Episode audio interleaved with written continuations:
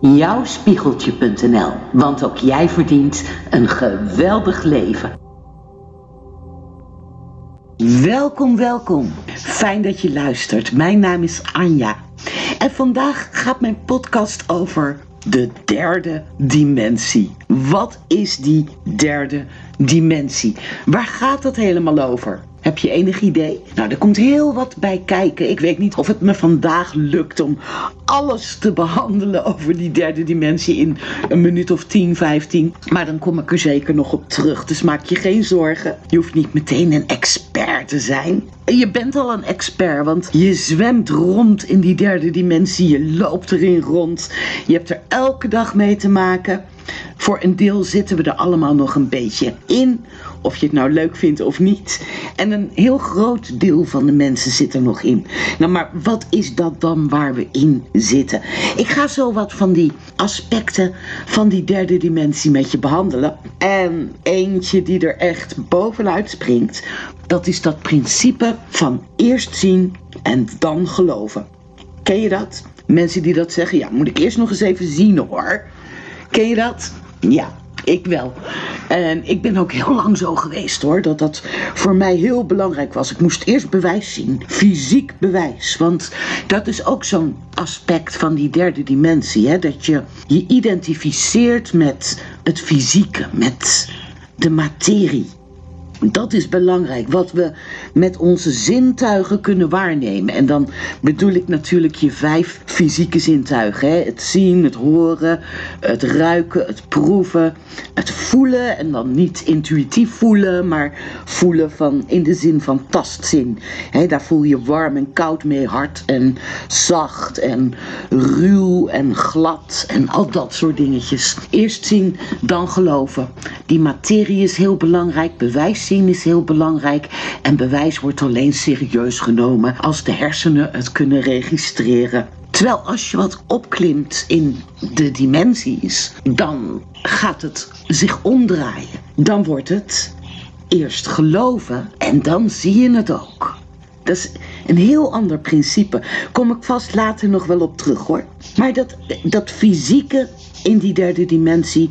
Dat is dus ook heel belangrijk. De materie is hier heel belangrijk. En nou denken heel veel mensen dat alle materie om ons heen, dus de stoel waarop je zit of de deur waar je doorheen wandelt, alles wat je met je fysieke ogen kunt zien en wat je kunt aanraken, al die dingen. Heel veel mensen denken dat dat de derde dimensie is, maar dat is niet helemaal waar. Want die dingen ze zijn er wel en je neemt ze waar. En je neemt ze waar omdat je in de derde dimensie zit. Maar de materie op zich, dus al die spullen, al die dingen, al eh, je eten, de natuur, alles om je heen, dat is niet de derde dimensie, maar dat kun je zien als de attributen in de derde dimensie. Het zijn onze speeltjes. Het is waarmee we door het leven wandelen, waardoor we kunnen overleven. Wat trouwens ook zo'n ding is aan die derde dimensie. Overleven. Alles staat in het teken van overleven. Angst hoort daarbij. Angst is echt de drijvende motor achter de mensen die nog volledig in de derde dimensie zitten, maar ook de mensen die al wat spiritueel aan het ontwaken zijn, zitten vaak ook nog met heel veel angst in hun systeem. Hebben we allemaal min of meer geleerd van huis uit om daarmee te leven. Angst, angst, angst. Angst voor de dood, angst om ziek te worden, angst voor het onbekende. dat is het ook vaak, hè? Angst voor het onbekende, angst voor dingen die je niet ziet angst voor de angst zelf. Angst is puur driedimensionaal. Als je verder gaat in bewustzijn, want daar gaan die dimensies over, dan verdwijnt angst. Met angst kun je dus niet de overgang maken naar bijvoorbeeld de vijfde dimensie. Wat dat allemaal is, daar kom ik echt later nog op terug. Niet vandaag in ieder geval. Want die derde dimensie die is al best wel ingewikkeld genoeg. Of ingewikkeld, maar in ieder geval daar valt best wel veel over te vertellen. En het is belangrijk om je er bewust van te zijn waar je nu bent. Want de een zit nog 100% in die derde dimensie. we kennen de mensen allemaal. En heel veel mensen, de mensen die hier naar luisteren, jij dus. Ik weet zeker dat je al voor een groot deel regelmatig een beetje van die sprongetjes maakt. Van de derde naar de vierde naar de vijfde dimensie, vice versa. Sommigen misschien zelfs nog een stukje hoger. Maar in ieder geval, je zit als je dit beluistert, als, je, als dit je interesse heeft, dan zit je niet meer 100% in die derde dimensie, maar voor een groot deel nog wel. En we zijn bezig met die overgang. De aarde is daar ook mee bezig. Ook de aarde heeft dat bewustzijn. Ja, want je ziet een fysieke aarde, maar ook de aarde heeft een bewustzijn. En het bewustzijn van de aarde heeft die sprong naar de vijfde dimensie, dus van 3D naar 5D, al lang gemaakt. En nu wij nog. Alles is er klaar voor. Kijk, de deur is niet dicht. Iedereen is welkom in die vijfde dimensie. Alleen, je zit jezelf in de weg. Bijvoorbeeld, door nog in angst te leven. Dat is één zo'n ding. Hè? Angst, zenuwen, onrust. Dat zijn vibraties die zijn behoorlijk laag. En dat is geen goede match met de hogere ehm, vibraties in die vijfde dimensie. Dus dat clasht. Dat, dat gaat niet. Dan kun je niet de poorten door, zeg maar even. Dat is beeldspraak, er is geen poort. Het is gewoon een verschuiving die je maakt op een gegeven moment in je bewustzijn. En dat is niet van de ene op de andere dag. Dat doe je met stapjes. Je groeit erin. Maar angst is een van de belangrijkste dingen waar je vanaf wilt. En wellicht dat ik daar in toekomstige podcasts nog zeker op inga hoor. Dan is er nog zo eentje.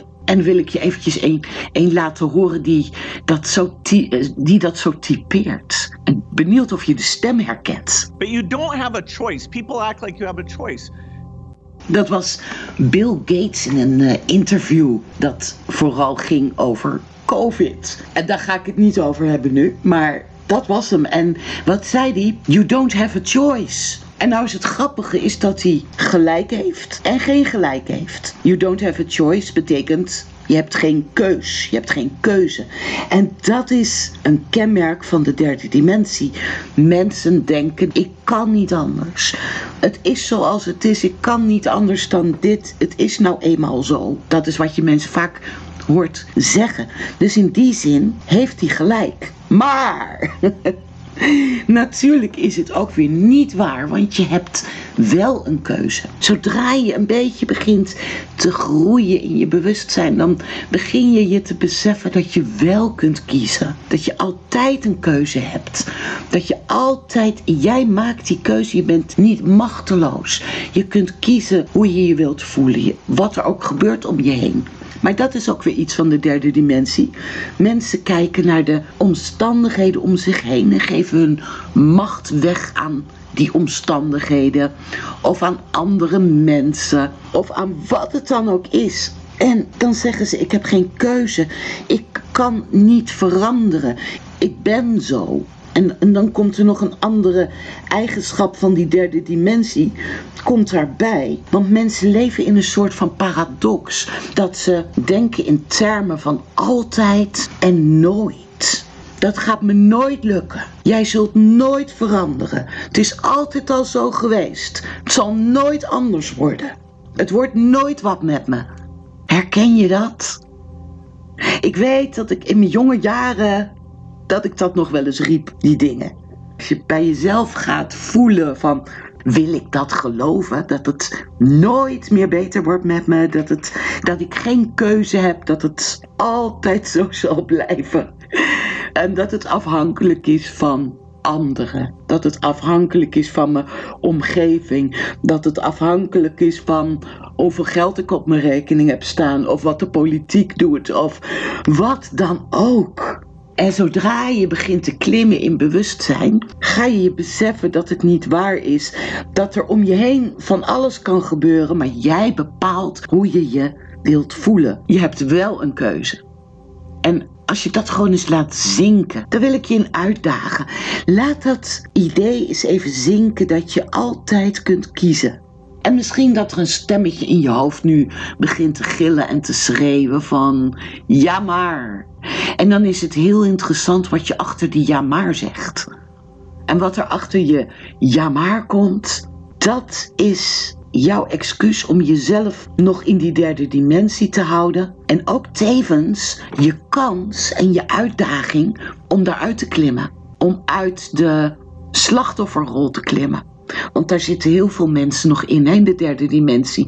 En we hebben allemaal wel min of meer de neiging. Al is het maar dat je het weer af en toe de schuld geeft van dat je moe bent. Of dat je juist heel vrolijk voelt. Alsof het weer een afstandsbediening heeft van jouw gevoelens. Van jouw stemming. Van hoe jij door je dag gaat. Ik merk dat er nog heel veel te vertellen is over die derde dimensie.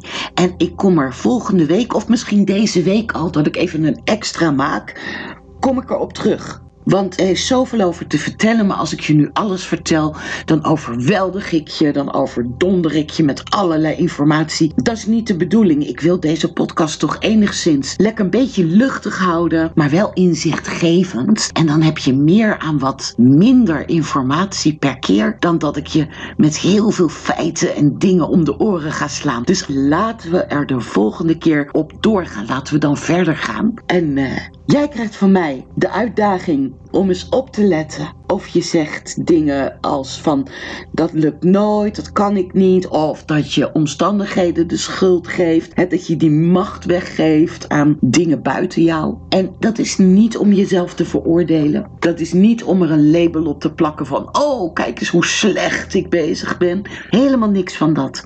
Echt niet. Daar gaat het niet om. Het gaat om een stukje bewustwording. En let op de excuses die je gebruikt. Let er gewoon even op van wat zeg ik dan allemaal? Wie of wat geef ik de schuld van dat ik me nu een beetje rot voel? Of dat ik nu boos ben? Of dat ik onrustig ben? Is mijn bankrekening? Is het de vervelende buurman? Is het mijn schoonmoeder? Is het de baas? Is het de regering? Is het een lockdown? Het maakt niet uit. Schrijf die dingen op. Schrijf ze op. Volgende week gaan we erop verder. Ga ik je ook wat tips geven van hoe je daar dan weer mee om kunt gaan. Wat je daar aan kunt doen. En dat zal je veel bevrijding gaan geven. Ik wens jullie een heerlijke week. Ik neem dit altijd op op vrijdag, dus ik wens je ook een heerlijke vrijdag toe. Ik heb genoten van dit podcast creëren voor jou. Dit is wat ik heerlijk vind en ik ga er ook zeker weer in groeien. Ik heb dit in het verleden heb ik voor de radio gewerkt en ik merk het begint weer terug te komen die spark, die flow, die drive, dat heerlijke lekker er helemaal in zitten. De onwennigheid is weer weg en ik geniet en ik wens jou heel veel liefs. Zorg goed voor jezelf en tot de volgende podcast van jouw spiegeltje.